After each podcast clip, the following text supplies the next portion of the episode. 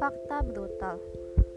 Mungkin beberapa dari kita pernah mendengarkan itu, atau mungkin juga sering, atau mungkin juga ada yang baru pertama kali mendengar kata-kata itu. Fakta brutal, suatu fakta realita kehidupan yang tak ramah dan tak manis. Suatu realita yang menyajikan pahit, getir, dan kerasnya hidup. 2020 tahun yang berbeda dan mungkin menjadi tahun yang penuh dengan fakta brutal bagi banyak orang. Bukan, bukan mungkin, namun itu realita nyata. Adanya coronavirus, makhluk kecil berukuran mikro bahkan nano atas izin Tuhan sukses mengubah tatanan kehidupan dunia yang dulunya tak mungkin dipaksa untuk menjadi mungkin. Bahkan banyak sekali dampak dari adanya makhluk kecil ini,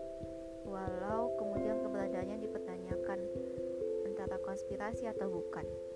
Apa pun itu, konspirasi atau bukan, itu tak penting untuk diperdebatkan. Nyatanya corona itu ada dan ia berdampak ke berbagai sektor kehidupan. Banyak usaha yang tutup, karyawan yang di PHK, orang-orang yang kehilangan anggota keluarga dan orang terkasihnya, susahnya mencari makan untuk tetap hidup, dan banyak lagi yang lainnya. Miris memang, namun apa pun keadaannya harus dihadapi. Dan kini, fakta brutal itu terpampangnya di depan semua pengurus yayasan pesantren Jagat Towers.